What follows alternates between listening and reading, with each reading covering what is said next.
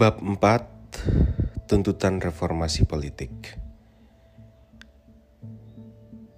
Dalam banyak hal, tiga besar yaitu Karl Marx, Emil Durkheim, dan Max Weber menggarap persoalan yang sama yaitu strukturasi gejala sosial, ekonomi, kultural, dan politik yang kemudian membentuk kondisi modernitas.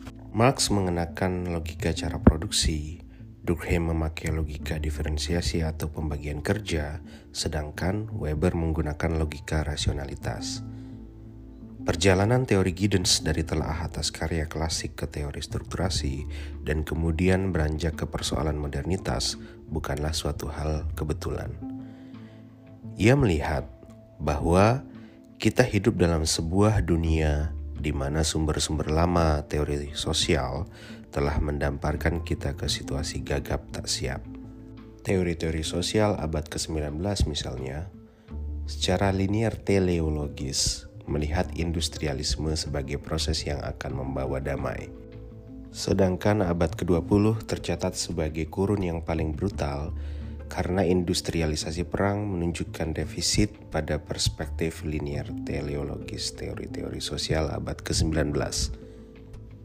Barangkali tidak adil memfalsifikasi teori dengan sekedar menunjuk peristiwa sejarah post factum.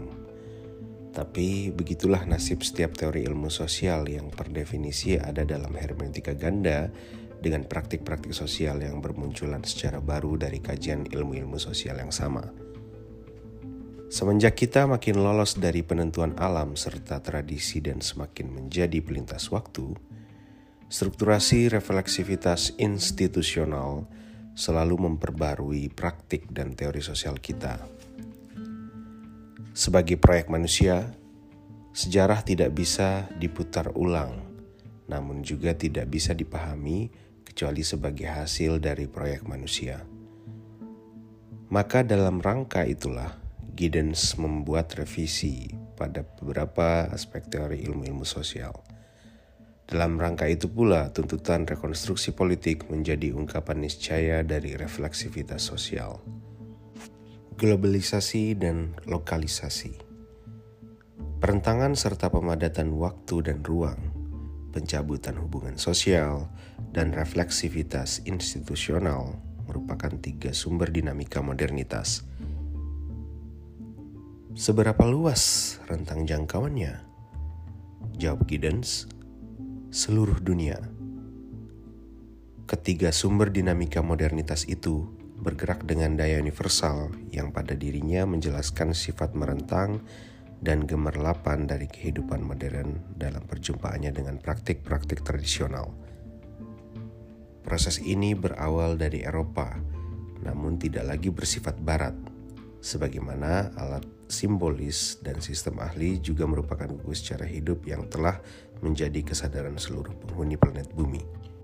Pertanyaan berikutnya, apakah proses dan gejala tersebut hanya urusan negara-negara industri dan hanya menyangkut cara hidup kelompok yang berkecukupan secara ekonomi saja? Akses kaum miskin tentu lebih kecil, namun, sama sekali tidak berarti bahwa mereka ada di pinggir daya jangkau ketiga motor modernitas tersebut. Contoh berikut mungkin berguna dalam menulis kertas kerja. Misalnya, sudah lama kita berpindah dari mesin ketik ke komputer. Itu berarti perpindahan dari sistem ahli yang satu, yaitu mesin ketik, ke sistem ahli yang lain, yaitu komputer. Namun, bagi seorang petani di daerah pegunungan yang dahulu berjalan semalaman lewat hutan untuk pergi ke pasar dan sekarang naik sepeda motor di jalan aspal menuju pasar yang sama, terjadilah lompatan besar dari lingkup alam ke lingkup sistem ahli. Gejala lompatan ini sudah menjadi pemandangan yang sangat luas dan semakin biasa karena strukturasi praktik sosial, yaitu naik sepeda motor ke pasar, terjadi pada dataran kesadaran praktis. Artinya, semakin menjadi rutinitas tanpa kita pertanyakan lagi. Daftar contoh bisa diperpanjang lagi dari soal penggunaan bumbu masak untuk penyedap masakan, pemakaian pupuk padi, sampai arti istilah-istilah lain dunia hukum, psikologi, ekonomi, dan politik. Globalisasi tentu lebih dari sekedar gejala dalam contoh di atas. Akan tetapi, globalisasi juga menampakkan bahwa tak seorang pun dapat mengelak dari transformasi yang dilahirkan oleh gugus daya modernitas. Di samping itu, kita juga tidak bisa mengelak dari risiko buatan yang dibawa serta. Peristiwa di lingkup lokal juga semakin terkait erat dengan peristiwa dan proses yang terjadi dalam lingkup yang lebih luas, dan begitu pula sebaliknya. Mengutip Giddens, Kerangka konseptual perentangan waktu ruang mengarahkan kita pada hubungan-hubungan yang kompleks antara peristiwa lokal dan interaksi lintas jarak. Dalam kondisi modern, tingkat perentangan waktu ruang jauh lebih tinggi dibanding kurun sebelumnya, dan hubungan antara peristiwa lokal dan yang jauh juga direntang. Globalisasi terutama mengacu pada proses perentangan ini. Dalam refleksi itu, ditunjukkan pola bahwa kondisi modernitas secara inheren bersifat mengglobal. Empat gugus penyangga modernitas yaitu kapitalisme, industrialisme, pemata-mataan, kontrol alat kekerasan, juga merupakan empat gugus institusional globalisasi, yaitu ekonomi kapitalis dunia, pembagian kerja internasional, sistem negara bangsa, dan tata militer dunia. Proses strukturasi modernitas ini juga menerobos jauh ke wilayah hidup pribadi. Apa yang oleh para psikolog dan ilmuwan sosial disebut diri atau self semakin lolos dari penentuan tradisi komunitas lokal. Karena itu, identitas diri juga semakin menjadi proyek refleksif. Artinya, keseluruhan cara hidup dan narasi diri kita semakin berlangsung dalam rimba pilihan yang disaring lewat sistem abstrak dan dialektika antara apa yang lokal dan apa yang global. Tidak sulit menemukan contoh bagi gejala semakin refleksifnya proyek pembentukan identitas diri. Misalnya, rencana akan punya dua atau enam anak semakin berada dalam lingkup sistem ahli medis, seperti diciptakannya atau kita memperoleh pil pencegah kehamilan dari dokter.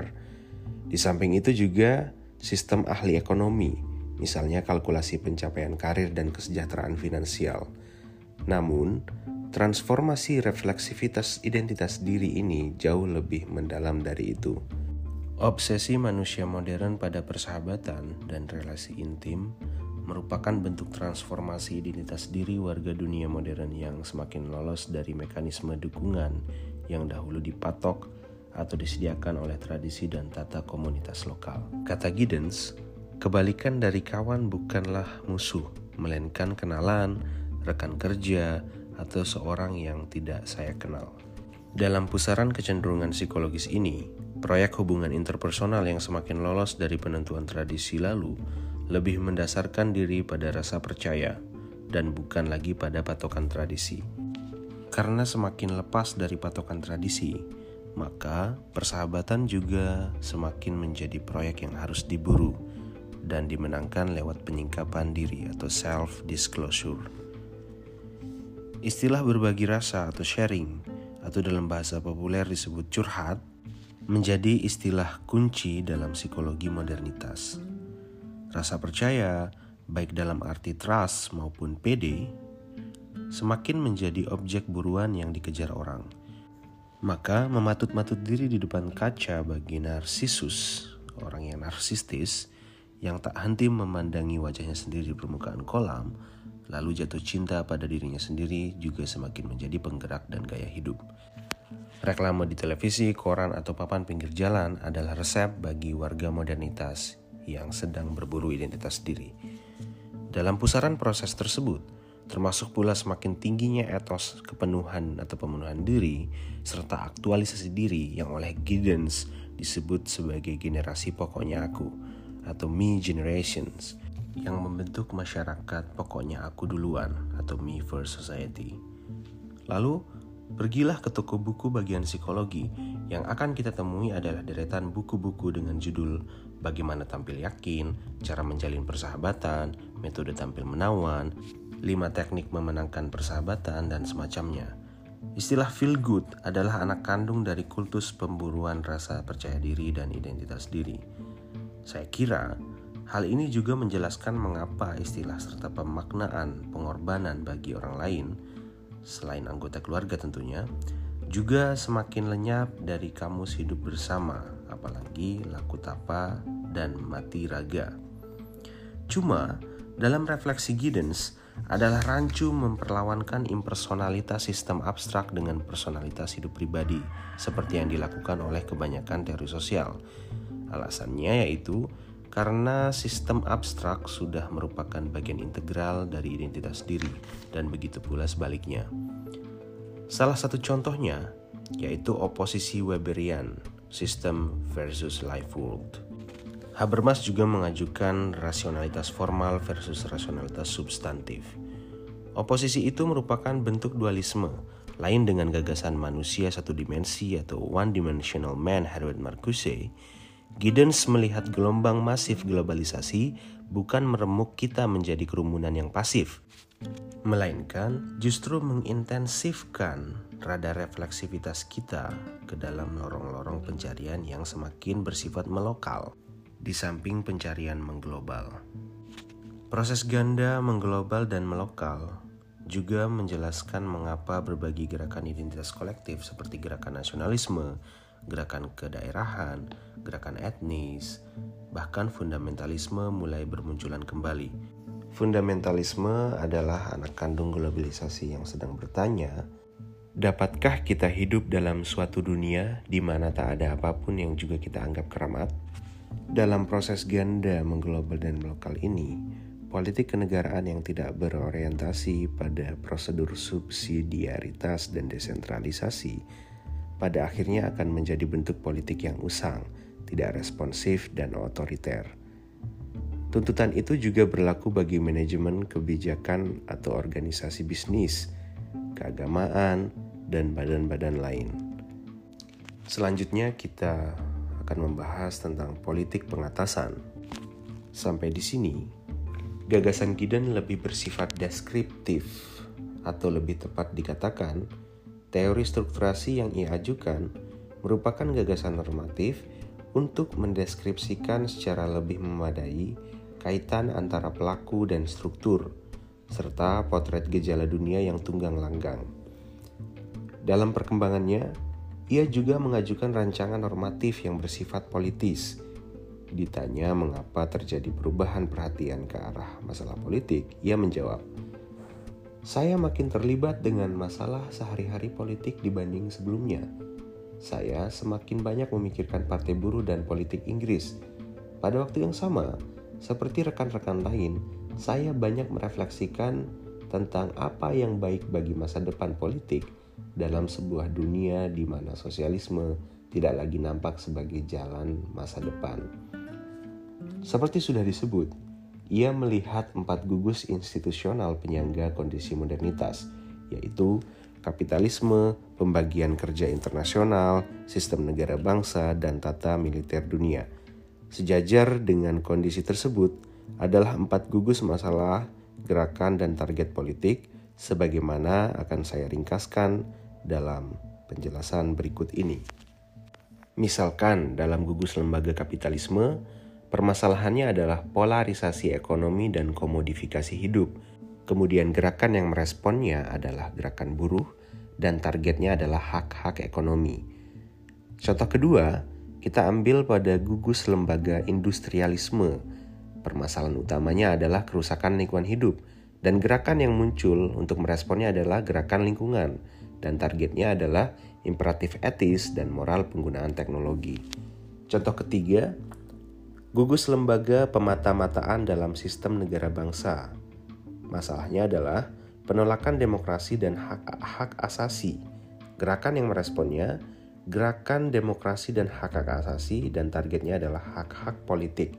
Kemudian contoh terakhir, monopoli atas alat kekerasan militer Masalah yang timbul adalah perang dan represi dengan kekerasan, kemudian gerakan yang meresponnya yaitu gerakan perdamaian dan targetnya adalah hak-hak sipil berhadapan dengan polisi dan militer. Dari contoh-contoh tersebut, nampak berkembang sebuah campuran antara unsur lama dan unsur baru, terutama pada gugus gerakan dan target. Masalah kerusakan lingkungan hidup, contohnya sebagai efek samping refleksivitas institusional industrialisme sudah setua umur proses industrialisasi itu sendiri. Akan tetapi, urgensi gerakan lingkungan dan sifat imperatif etis penggunaan teknologi merupakan hasil refleksivitas sosial yang bersifat baru. Pokok normatif lain yang lahir dari proses ganda mengglobal sekaligus melokal adalah pergeseran makna, di mana makna yang bergeser itu ada pada tataran politik. Politik tidak lagi sekedar mengacu pada apa yang biasanya disebut publik, melainkan juga mencakup kawasan private. Namun, hal ini tidak seharusnya diseret ke arah pembenaran narsistik atau narsisism yang dimaksud Giddens yaitu menyangkut gerakan yang ia sebut politik pilihan hidup atau life politics. Ia membedakan politik emansipasi atau emancipatory politics dan politik pilihan hidup. Jadi keduanya adalah hal yang berbeda. Politik emansipasi adalah politik bagi kesempatan hidup, sedangkan politik pilihan hidup adalah perjuangan politik bagi alternatif pilihan hidup. Gerakan buruh adalah contoh politik emansipatif atau em, politik emansipasi, sedangkan gerakan lingkungan hidup merupakan contoh politik pilihan hidup. Politik pilihan hidup tidak mengganti politik emansipasi, sebagaimana gerakan lingkungan hidup tidak bisa menggantikan gerakan buruh. Munculnya politik pilihan hidup memang sulit dilepaskan dari kondisi kecukupan di negara-negara industri maju, namun juga tidak perlu dianggap identik. Soal lingkungan hidup, Misalnya, bukan lagi masalah khas negara-negara industri maju. Dalam hal ini, gagasan politik Giddens mirip dengan gagasan Habermas, meski dari penalaran yang berbeda, atau dengan gagasan Ulrich lewat gagasan masyarakat risiko. Lalu, siapa atau kelompok mana yang menjadi pelaku utama perubahan sosial? Di sinilah Giddens berbeda dengan gagasan Marxisme ortodoks kiri baru maupun gerakan teknokrasi yang mendasarkan diri pada teori industrialisme manajerial. Berikut pandangan Giddens tentang pelaku utama dalam mengandaikan konsepsi deterministik teologis tentang sejarah. Tanpa jaminan apa pun, teori yang kritis harus berhadapan dengan situasi berikut, sebagaimana sejarah pada dirinya tidak punya teleologi atau tidak punya akhir yang pasti sebagai tujuan, begitu pula tak ada pelaku utama yang mempunyai posisi istimewa dalam pelaksanaan proses reformasi sosial. Refleksi itu punya implikasi cukup jauh dengan membangkitkan kembali sentralitas pelaku dalam teori ilmu sosial dan dengan menunjukkan watak non-deterministik gerak sejarah, Giddens mengajukan argumen tentang sifat terbuka perkembangan dunia. Maksudnya, Tak ada peristiwa atau gejala yang niscaya dalam hidup sosial. Globalisasi dengan ciri-cirinya yang sedang terjadi saat ini, contohnya, bukanlah gejala yang tidak terelak. Begitu pula tata ekonomi global dengan dominasi para pemilik modal finansial seperti yang berlangsung sekarang ini bukanlah gejala yang niscaya. Upaya perubahan hanya mempunyai arti jika dan hanya jika perkembangan sejarah tetap merupakan arena terbuka yang tidak deterministik. Wacana tentang perubahan juga hanya punya arti bila dan hanya bila tindakan serta pelaku tetap menjadi bagian yang sentral dalam filsafat sejarah dan refleksi ilmu-ilmu sosial. Maka, tidak mengherankan bila argumen tentang ketidakterelakan dan akhir sejarah dengan cepat diadopsi oleh kelompok-kelompok konservatif dalam upayanya untuk membenarkan status quo yang ada atau dipakai oleh kelompok-kelompok konservatif untuk memberangus gerakan-gerakan progresif. Refleksi normatif Giddens tentang politik baru pertama-tama harus dilihat sebagai gagasan pengatasan tradisi politik dan kebijakan lama negara-negara industri maju. Tradisi lama ini tercermin dalam tegangan ideologis kaum kanan yang bersikeras bahwa pemerintah adalah musuh dan kaum kiri yang menyatakan bahwa pemerintah adalah jawaban atau kaum kanan yang yakin bahwa pasar kapitalis adalah solusi dan kaum kiri yang melihat pasar sebagai seteru. Dari rancangan normatif politik Giddens, ada baiknya dicontohkan dua dari sekian banyak relevansinya ke dalam kondisi kita di negeri ini. Pertama, proses perentangan ruang dan waktu yang semakin menggerakkan proses ganda globalisasi dan lokalisasi. Partisipasi dalam komunitas kosmopolitan merupakan cara hidup negara-negara yang tak lagi terelak, kecuali kita mau menjadi negara seperti Myanmar. Hal itu juga mencakup bidang seperti hak-hak asasi, demokrasi, lingkungan hidup, maupun dinamika ekonomi global. Dalam proses ini, tuntutan penamaan kembali gerakan-gerakan pencarian identitas lokal bukanlah irasionalitas sejarah. Fundamentalisme dalam arti pemelukan kepastian tata tradisi seperti masa lalu memang bukanlah solusi bukan karena tata tradisi itu tidak baik, melainkan karena kita tidak bisa mengelak dari kecepatan perubahan yang muncul dari kadar tinggi imperatif refleksivitas sosial dalam kondisi modernitas. Kebangkitan gejala etnis dan nasionalis dengan jelas menunjukkan bahwa tata pemerintahan dituntut untuk semakin mendekat kepada pengalaman konkret warga. Tidaklah mengherankan bahwa kebangkitan gerakan etnis dan nasionalis terjadi persis ketika kawanan gerak hidup sedang merentang naik ke lingkup global. Ketika proses impersonalisasi terjadi dengan intensif, persis pada saat itu juga biasanya kerinduan akan akar personal kultural semakin meninggi. Kita semakin rindu pada kampung halaman persis ketika kita berada di pengasingan. Bagi tata pemerintahan, Di situlah terletak imperatif bagi agenda desentralisasi sebagai strategi sentral dalam cara mengelola negara bangsa. Tentu saja, desentralisasi seperti itu hanya bisa berhasil setelah dipersiapkan dengan sekuensi langkah-langkah yang cermat. Kedua, politik bukanlah monopoli pemerintah, militer, ataupun partai politik, bukan juga sekedar menyangkut pemerintahan, kemiliteran, dan kepartaian Para pejabat, jenderal, dan politisi suka jengkel bahwa para warga semakin tidak tertarik atau malah jijik pada apa yang mereka katakan, buat, atau putuskan.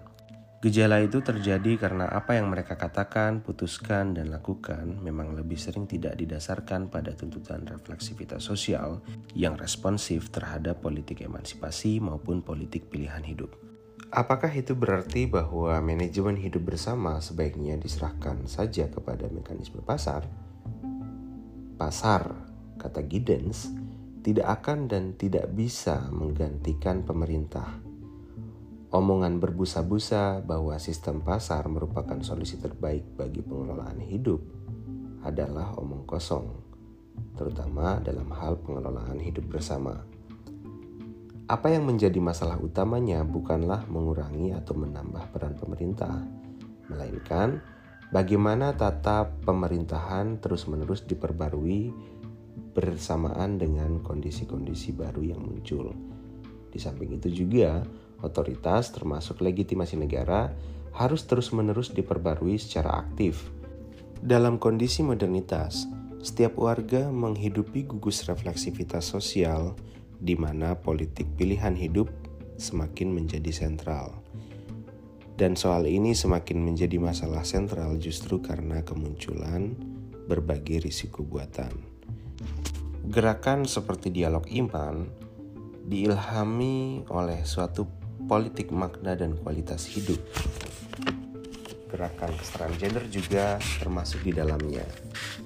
Tuntutan dalam politik pilihan hidup biasanya lolos dari formalitas politik pemerintah.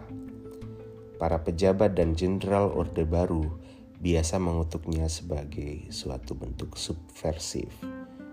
Oleh sebab itu, politik dalam kondisi modernitas tidak bisa lagi hanya berada di tangan pemerintah dan parlemen, maka di situlah letak imperatif civil society.